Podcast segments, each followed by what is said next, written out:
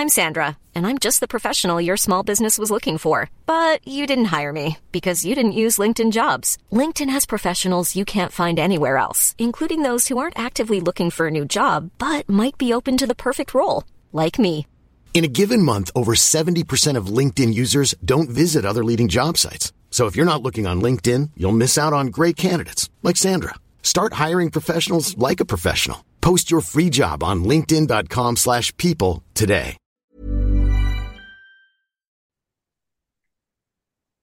Halo pendengar GGMI Podcast, baik lagi bersama kita berdua. Dan pada kali ini another celebration oleh fans MU ya karena pertandingan keempat dari dua minggu berdarah akhirnya berhasil dimenangkan sekali lagi oleh pasukan Tenak dengan skor yang bisa dibilang cukup meyakinkan. Meskipun terjadi di menit-menit akhir ya eh, 3-1 melawan tim bisa dibilang apa ya West Ham sekarang papan bawah ya meskipun di awal sempat mengejutkan gitu kan.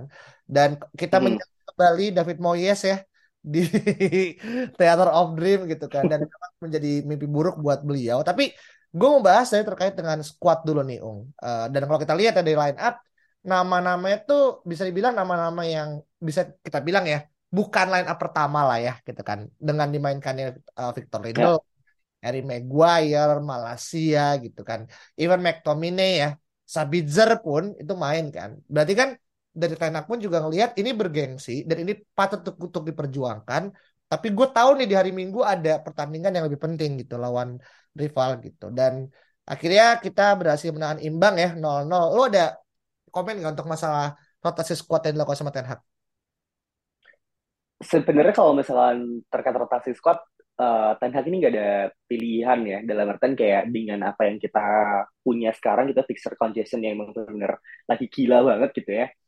Dan memang mau nggak mau, Ten Hag harus melakukan rotasi gitu. Makanya ketika eh, squadnya eh, United lawan West Ham itu keluar, ketika gue melihat nama Lindelof dan Maguire, ya gue nggak kaget sama sekali sih. Karena emang Iya masa masa lo ngeluarin Varane sama Martinez gitu kan untuk West Ham gitu selagi kita harus tetap fit untuk lawan Liverpool gitu kan di hari Minggunya besok. Jadi kayak oke lah gitu uh, Lindelof sama Maguire uh, diturunkan gitu. Begitu pula dengan Scott McTominay gitu kan, begitu pula dengan uh, Anthony dan juga Garnacho gitu dan Sancho kan juga lagi sakit ya. Jadi kan dia nggak bisa main gitu.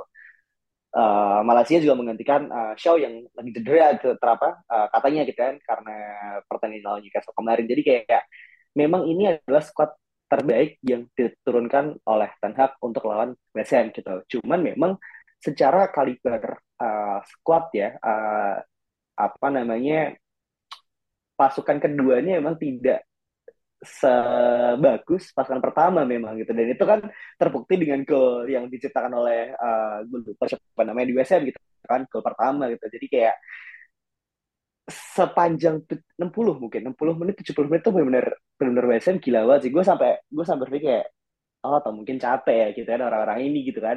Atau mungkin kayak mentalnya ngedrop nih karena kemarin habis uh, menang uh, EFL Cup gitu. Jadinya kayak ya mungkin harus slow down dulu kali ya gitu. Jadinya kayak seolah-olah kita akan kalah gitu sampai akhirnya kita diselamatkan oleh Garnacho yang sekali lagi sangat luar biasa menurut gue gitu sepanjang 90 menit dia benar-benar on fire dan akhirnya uh, golnya si siapa namanya Fred yang akhirnya meyakinkan kemenangan kita 3-1 di Old Trafford sih.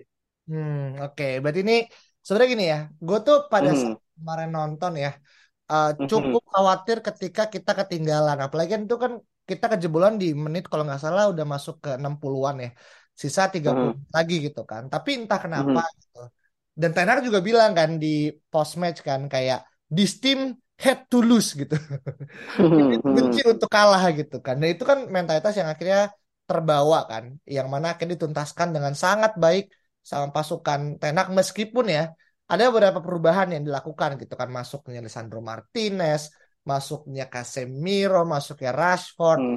terus juga eh, ya itu ya tiga nama yang akhirnya Ya. sampai jadi juru selamat ya eh, untuk akhirnya terus memberikan tekanan kepada West Ham dan kemarin akhirnya kan sebenarnya kita hampir cetak gol kan, kalau enggak apa namanya eh, offside ya yang semilimeter itu yang akhirnya eh, agak lucu karena gol pertamanya West Ham setelah kita lihat bola tuh udah keluar gitu. Clear banget keluar gitu. Buat apa VR ya kan? nah itu dia kan. Gue nggak ngerti VR ya hanya ngelihat garis pinggir gawang tapi kalau ngelihat dari garis out tuh nggak di itu gue nggak tahu gimana caranya. Cuman itu harusnya the goal shouldn't be allowed ya. Tapi ya udahlah ya untungnya kita menang. Jadi kita pun nggak terlalu termakan hati gitu. Tapi kalau kita ngelihat secara uh, performance performance gitu kan ada satu nama yang memang akhirnya kemarin menjadi main star ya itu adalah Alejandro Garnacho gitu kan ini kan inilah ya bisa dibilang anak emas Ten Hag dan juga your favorite uh, player lah ya untuk saat ini. Viva ya. Garnacho bro. Nah Viva Garnacho gitu kan. Dan hmm. ada satu uh, apa ya mungkin ini semacam kayak ini kali ya pembakar semangat ya kayak intinya kan hmm. lu udah gua kasih kesempatan sebagai uh, apa apa sih orang yang datang sebagai substitute dan lu berhasil dan sekarang gue pengen kasih lo kesempatan sebagai starter lo berhasil apa enggak gitu kan dan ternyata terbukti kan di babak pertama dia juga ada shoot ya uh, yang akhirnya yeah. ditepiskan sama Areola sayangnya Dalo ketimbang nge-shoot malah ngoper yang uh, mm -hmm. ke Lakers yang notabene udah offside gitu. tapi di babak kedua uh, permainan Garcia di sisi kiri itu sangat cair gitu kan akhirnya ngebuat beberapa kali juga ada umpan-umpan dan juga mungkin terobosan akhirnya membuat back West Ham juga kelimpungan dan dibuktikan dengan gol di menit ke berapa 89 berarti ya 90 yeah. gitu dengan hmm. mengingatkan kita pada golnya Maheda ya. menyelamatkan ya kalau iya kan semoga nggak semoga nasibnya nggak ikutin Maheda iya. golnya aja gitu kan kalau kotak kedua tuh nah itu kan akhirnya benar-benar um, apa ya kelihatan ya dia sebagai pemain 18 tahun mature enough lah untuk akhirnya bisa memberikan kontribusi dan ada satu pic, ada satu gambar ya yang entah kenapa gue salut aja orang-orang Twitter tuh bisa menemukan gitu kan kayak uh, pada saat Malaysia digendong sama Garnacho itu yeah. pada momen di mana Evra digendong sama Ronaldo gitu Nanti kan ya, itu itu menurut gue sih cocokologis ya tapi uh, history repeats for itself lah ya gitu kan. Uh -huh. Tapi lo ada catatan menarik kan tentang Garnacho di pertandingan kemarin? Catatan menarik tentang Garnacho tentu bagaimana dia bisa ini ya uh, ambil tantangan yang dikasih oleh Ten Hag gitu ya. Karena uh, seperti yang tadi lo bilang gitu dia sebagai super sub recordnya tuh kalau nggak salah dia yang terbaik di Liga Inggris gitu ya musim hmm. ini gitu uh, untuk uh, outputnya gitu dan makanya Ten Hag yakin bahwa uh, ya lo bisa nggak nih gue kasih lo uh, challenge gitu kan untuk uh, lo buktiin diri bahwa lo memang layak untuk jadi starter gitu terlebih memang uh, ada berita juga kan bahwa si uh, Rashford lagi kurang fit gitu untuk untuk start dan selain kurang fit pun juga gue paham gitu kalau misalkan memang Ten Hag harus ngedrop Rashford gitu ya karena memang ya di hari Minggu kita masih punya Liverpool nih gitu dan yang jadi saran penting ketika lo tadi bilang dia gendong si siapa namanya uh, Malaysia, Malaysia. Gitu kan itu malah gue melihat dua orang ini memang secara chemistry jauh lebih masuk ya kita gitu. jauh lebih uh, apa namanya punya chemistry lebih bagus daripada Garnacho dengan Luke Shaw menurut gua gitu.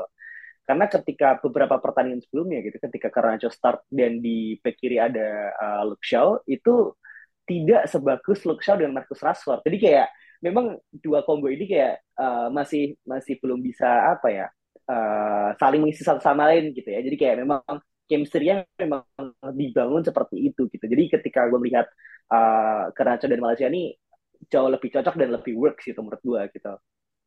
Hmm. Dan sekali lagi uh, FIFA Garnacho dan juga hmm. ini uh, karena dia juga fanboynya Ronaldo gitu ya dan gue juga barusan tadi ngeliat tweet bahwa di musim pertama Ronaldo dia tuh mencetak 13 gol dan assist men hmm. uh, in total gitu kan di musim pertama. Nah, musim pertama karena Garnacho di musim ini dia so far itu 11 gol dan assist, which is beda-beda tipis dengan idolanya dan gue yakin di musim ini dia mungkin bisa melebihi dari pahlawannya itu sih menurut gue. Hmm. Iya iya iya dan ini juga menarik ya bahwasanya sebenarnya hmm. Garnacho tuh lebih sering cetak gol dan assist tuh di di tandang sebenarnya karena gol kemarin hmm. di Old Trafford itu adalah gol gol pertama dia setelah sebelumnya dia mencetak gol di FA Youth Cup Final tahun lalu gitu di mana kita menang kan uh, yeah. kalau kalau Southampton ya uh, ini correct if I'm wrong juga tapi ini ya berarti kan secara mungkin mentalitas lebih mudah nyetak gol di kandang ya karena kan full supporter gitu kan. Nah, kita tahu hmm. gol yang cukup berkenan dari dia itu adalah gol soloran dia pas lawan Fulham ya uh, Betul. akhirnya dia menit ke berapa 90 akhirnya kita uh, pulang dengan tiga poin kan itu adalah yang sangat mengingatkan kita. Selain emang dia punya tadi ya total kombinasi 11 gol per assist gitu kan yang Hmm. akhirnya di didapatkan sama dia ketika musim berjalan. Ya walaupun ini belum benar berakhir ya tapi gue cukup ngerasa kalaupun akhirnya dapat kesempatan gitu kan dan chance kita untuk bermain di empat kompetisi masih terus berjalan sekarang tiga ya kan satu udah udah accomplish gitu Oh kan iya iya, kan benar. Eh, tiga gitu menurut gue Chance sih quadruple masih terbuka, men. masih terbuka gitu kan pokoknya sampai late April tuh belum ada yang bisa menentukan siapa yang jadi juara lah gitu Eh, eh, eh, eh, ya eh, kan betul. itu jadi suatu hal yang Hmm. jadi segala macam nah tapi selain dari Garnacho ya ada juga satu nama yang memang akhirnya benar-benar mencuri perhatian itu adalah Fred gitu kan di mana Hmm. somehow uh, Ten Hag tuh semakin tahu gimana akhirnya cara ngebaca pasportnya Praset Brazil Dan dan ini musim musim terbaik dia setelah dari Shakhtar loh. Sejak dari yes Shakhtar, benar ya benar kan? dan dan paling lucu adalah di di bulan apa namanya di tahun ini ya sampai dengan bulan Maret gol dia itu sama dengan jumlah total golnya Chelsea selama tahun 2023 gitu. Sejak 6 November bahkan. Nah, benar sejak 6 November. Nah, ini yang orang buat gue cukup cukup ini ya. Maksudnya kita paham kan, kita ngomong Pastor Fred kadang kan itu kan lebih kepada kayak guyonan ya gitu kan. Karena kita tahu betapa eh, dia dianggap sebagai headless chicken lah. Dia juga sama McTominay adalah dua combo yang dreadful dalam konteks yang negatif gitu kan. Tapi sama ketika berada sama Casemiro, dia bilang juga di pasca dari interview kan hmm. kayak gue seneng sebelah sama Casemiro karena dia tahu apa yang harus kita lakukan karena ya ada Brazil connection ya gitu kan. Tapi dengan Hmm. gol kemarin yang akhirnya dilesahkan sama Fred ya dan dia juga datang sebagai substitute gitu kan. Apa yang lu bisa lihat Hmm. dari dari penampilan Fred kemarin? Nah, dari penampilan Fred ini semakin meyakinkan bahwa eh, yang tidak jago gitu ya dari duo McFred adalah MC-nya, men. Mek-nya ya. Oke. Cuman, em, ya gue setuju sih dengan apa yang tadi lo bilang gitu bahwa Ten Hag tahu em, dia tuh posisi terbaiknya di mana gitu bahwa eh, sudah saatnya lah eh, kita tuh bisa memaksimalkan potensi yang kita punya gitu makanya ketika Fred diwawancara dia juga bingung gitu karena pemain yang kita punya tuh sama sekarang gitu cuman somehow uh, it change gitu kan Uh, ada sesuatu yang berubah gitu terutama dari uh, mentalitas gitu. Walaupun memang kalau misalnya secara mentalitas tidak dibarengi dengan um, apa namanya taktik dan juga man management yang bagus itu juga sama aja bohong menurut gua gitu. Dan Ya. ini yang menurut gua kombinasi yang pas lah gitu antara Ten Hag dan juga anak-anak ini gitu. Di mana ya Ten Hag punya belief dan uh, keyakinan yang kuat gitu terhadap tipe permainan yang akan dia mainkan dan juga anak-anak yang apa ya saling bahu membahu lah untuk membawa United ke tempat yang seharusnya sih Hmm. dan gue berharap ketika bursa transfer musim panas besok itu dibuka gitu ya uh, Fred ini tidak termasuk dari uh, para pemain-pemain yang akan dieksodus sih gitu karena dari musim ini pun dia sudah cukup membuktikan bahwa di lini tengah gitu ketika kita punya pemain dengan profil seperti Fred itu akan jadi kedalaman squad yang menurut gue sangat meyakinkan sih. Yes, dan gue juga pernah bahas sama Alvin yang di episode sebelumnya. Fred itu emang adalah orang yang cocok sebagai squad play dalam arti rota- rotational player gitu kan. Dan dia juga nggak masalah kan Hmm. dengan dicadangin gitu. Karena dia tahu gitu, Mhm. dia punya kekuatan dalam bidang eh, apa namanya pressing ya dan juga apa tenaga. Jadi ketika dia main sebagai cameo di menit ke-70 80 pun tuh akan ngebantu tim juga. Jadi dan di permainan sepak bola modern kan kadang pemain pada posisi tertentu tidak hanya dilihat pada apa yang dia bisa kerjakan gitu. Dan kita udah ngelihat banget nih pada konteks Wake Horse ya, yang mana kayak dia Mhm. kan belum belum mencetak gol banyak gitu. Asper sebagai seorang striker, tapi kan work rate-nya dia, pressing eh, Ya. skill-nya dia gitu. Itu kan yang harus kita apresiasi gitu kan. Yang kemarin Hmm. juga terlihat ya eh, di beberapa kali peluang dari Casemiro, Sabitzer, itu kan juga dia Itu sebagai iya, Iya kan dia sebagai betul. tempo kan untuk akhirnya mengantulkan bola gitu.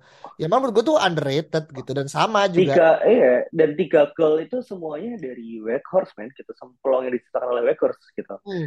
Uh, goal, uh, on goalnya si siapa, uh, pemain West Ham, gitu kan, dengan Eh, dasar sundulannya, dan hmm, gol kedua gitu dari reboundnya si Weghorst, dan ya gol ketiga gak assist yang dikasih gitu ya, dengan iya pressing yang menurut gue sangat gila sih. Jadi kayak tidak bisa uh, apa namanya seorang pemain tuh memang dinilai dari apa yang dia kasih dari segi gol dan assist ya menurut gue Ya, gitu. Dan ini Weghorst memang benar-benar jadi contoh sih yang mungkin di awal musim kita saling berdebat gitu ya saling berdebat berpikir bahwa oh ini Ronaldo tuh nggak bisa main gitu dari pemainnya Ten Hag gitu. Ya, ini loh ya sebenarnya dimaksud gitu kan pressing pressing seperti ini yang Ronaldo tuh walaupun secara output goalsnya itu akan ada terus gitu. Cuman secara sistem dia emang nggak works aja men sebenarnya gitu. Dan Hmm. ini yang ternyata ditemukan di seorang pemain basic tas pertama buat Weghorst ya Dan banyak gitu orang akhirnya bilang kan kayak "Ya udah eh, ya permanenkan lah. Dan gue juga setuju ya maksudnya dengan dia dan gue tahu ya maksudnya tipe pemain kayak dia kan emang paham perjuangan ya kayak dia mencapai squad MU itu dengan dengan suatu hal yang perlu dia korbankan segala macam. Bahkan dia dapat cerita kan dia kan juga bahkan yang mau me- me- apa ya menggaji apa ya bukan membayar kali ya transfernya ya. sendiri gitu kan untuk akhirnya hmm. bisa datang ke MU gitu. Itu kan suatu suatu hal yang memang akhirnya di musim ini skuadnya memang datang bukan hanya untuk urusan money oriented doang tapi juga pada level passion yang kita lihat pada berbagai macam nama gitu kan. Ya Martinez Hmm. Casemiro yang akhirnya kemarin udah mulai menunjukkan hasil gitu. Dan ini balik lagi ke Fred ya ini gue juga baca ya. Di kompetisi di kompetisi musim ini jumlah gol dan asisnya Fred itu mencapai 11 melebihi dari Havertz 9 dan juga Grealish di angka 8 yang notabene mereka lebih jauh attacking ya dibandingkan Fred yang sebenarnya Hmm. lebih ke box to box gitu kan. Tapi well itulah kecerdasan Ten Hag ya yang akhirnya bisa nge-unlock dan semoga ya ini kan juga bisa jadi adalah propaganda Fred untuk dapatkan apa namanya eh, sign kontrak kan gue sih berharap propaganda harusnya sih tetap diperpanjang sih Nah, benar sih, benar. Emang harusnya berpanjang. Tapi gue berharap kayak Hmm.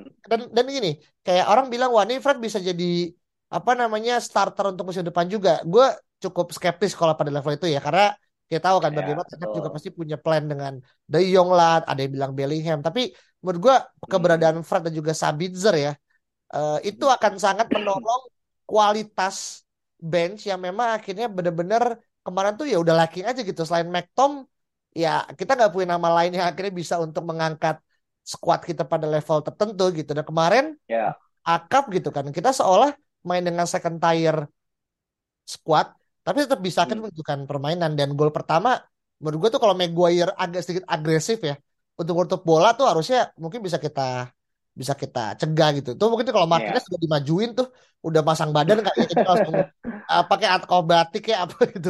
Jadi Aha. iya kan itu beberapa akhirnya bisa menjadi catatan sih untuk pertandingan West Ham dan uh, akhirnya kita melaju ke quarter final ya. Uh, gue tuh takut banget tuh di aduh nih suka aneh-aneh kan nih kita ketemu siapa dan ternyata kita ketemu Fulham dan beruntungnya kita ketemu di main di Old Trafford. Nah ini juga suatu advantage ya untuk MU betul akhirnya harus memain tandang tapi jadi yang awalnya bulan Maret tuh jadwal cuma tiga sebenarnya. Eh, kita tiga-tiganya kan ini ya apa namanya em, eh, Premier League ya karena kan di bulan Hmm. akhir Maret tuh kan ada international break ya eh, FIFA international break kan. Tapi karena memang akhirnya kita lolos ke tahapan apa namanya FA Cup quarter dan juga kita akan melawan Betis. Jadi nambah tiga pertandingan. Jadi selama kurang lebih dua setengah minggu kita akan bermain enam. Enam match gitu ya. Lagi-lagi. Mana lagi-lagi kita akan kemudian akhirnya dijadikan kuda pacu gitu. Karena ya jadwalnya yang akhirnya terus memaksa kita harus tetap stay alive kan di enam pertandingan Aha. gitu kan. Jadi itu juga jadi seru ya karena ya kita sih seneng-seneng aja. Tapi kalau untuk terkait dengan lawan sedikit aja Ung kira-kira apa yang bisa lo lihat dari match eh, potensi lawan Fulham besok lawan Fulham sih seharusnya eh, kembali gitu ya. Gue tidak ingin meremehkan lawan gitu. Cuman secara eh, track record, secara performa, secara eh, apa namanya mental kita punya sekarang sih harusnya ini bukan jadi sesuatu yang eh, menjadi isu ya menurut gue gitu. Dan di kandang gitu apalagi kan di di mana track record kita di sini tuh lagi lagi gila-gilanya men gitu lagi bagus-bagusnya gitu dan Ten Hag benar-benar bisa menciptakan fortress gitu di Old Trafford jadi kayaknya gue masih tetap yakin gitu bahwa kita tetap bisa uh, setidaknya gitu itu capai uh, semifinal FA Cup sih Hmm, oke. Berarti ini ya, ini Hmm. tanpa juga ini ya, apa namanya memberikan suatu penghakiman kepada Fulham secara dini ya. Karena kita lihat juga Fulham juga mainnya Ya. oke kan pas lawan eh, kemarin kan dia lawan Leeds ya. Kalau nggak salah menang Hmm. berapa ya? 2-0 Dua kalau kosong. 2-0 kan. Eh, Hmm, itu dan meskipun meskipun main di Craven Cottage ya, main di kandang itu kan menurut gua kita bisa ngeliat bagaimana akhirnya West eh, Fulham pun sekarang kan berada di peringkat kelima atau enam ya.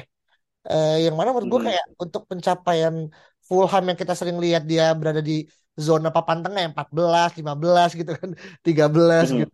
Dengan sekarang squad yang ada gitu kan. Menurut gue sih pelatih dan juga pemain tuh perlu mendapatkan ini ya apa namanya eh kredit dan kita akan ngebahas secara spesifik eh, Hmm. nanti ya di eh, kalau nggak salah tuh kita main di tanggal 15 deh di tengah-tengah eh, bulan lah gitu kita lihat nanti seperti apa hasilnya gitu karena juga previewnya seperti apa tapi kita sekali lagi untuk mengucapkan eh, apa namanya selamat untuk eh, fans MU eh, dan juga tim MU ya secara keseluruhan gitu kan. Ini Full senyum. apa? Full senyum benar full senyum dan cycle menang terus bertumbuh gitu kan. Dan terakhir eh, kita tinggal menunggu 4 per 5 ini akan jadi 5 per 5 gitu.